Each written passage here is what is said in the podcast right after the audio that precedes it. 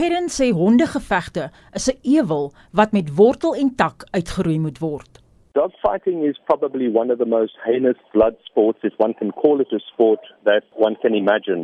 One of the images, in actual fact, revolves around a young boy peering into the alleged fighting pit. And to see that image actually sends shivers down my spine. I can't even begin to imagine the terror that the dogs that were in the pit were experiencing at the time. So it's a brutal act of cruelty. It's a deliberate, brutal act of cruelty that simply has to be stopped.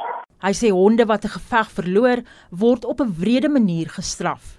The report that we received suggested that the losing dog or the dog that incurred the most injuries was stoned to death by the youths.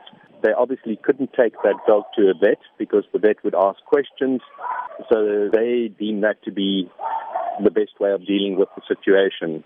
So they would consider that dog a coward and in the process they would then stone the poor dog to death. Parents sê hulle het reeds uitgereik na gemeenskapsleiers sowel as die departement van gemeenskapsveiligheid. When we meet with the community leader in Ocean View, hopefully tomorrow, I hope that he is available. This is a very serious matter.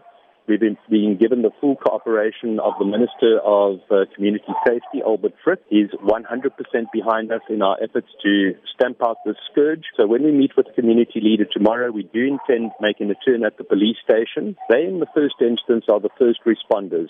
Our primary concern is the well-being and welfare of the animals and the prevention of acts of cruelty to animals. So that's our focus. If we do get a report of a fight in progress, the first people to respond would be the South African police, and we'll be there to assist them and back them up, particularly when it comes to injured dogs. Hy het die volgende pleidooi aan ouers gerig, sou hulle vermoed dat hulle kinders by hondegevegte betrokke is.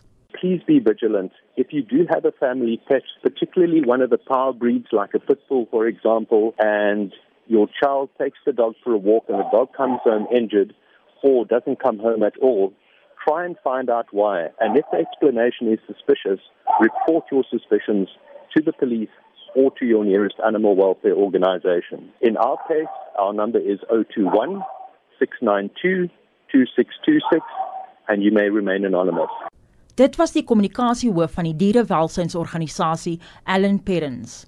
Ek is Annelien Moses vir SAK nuus.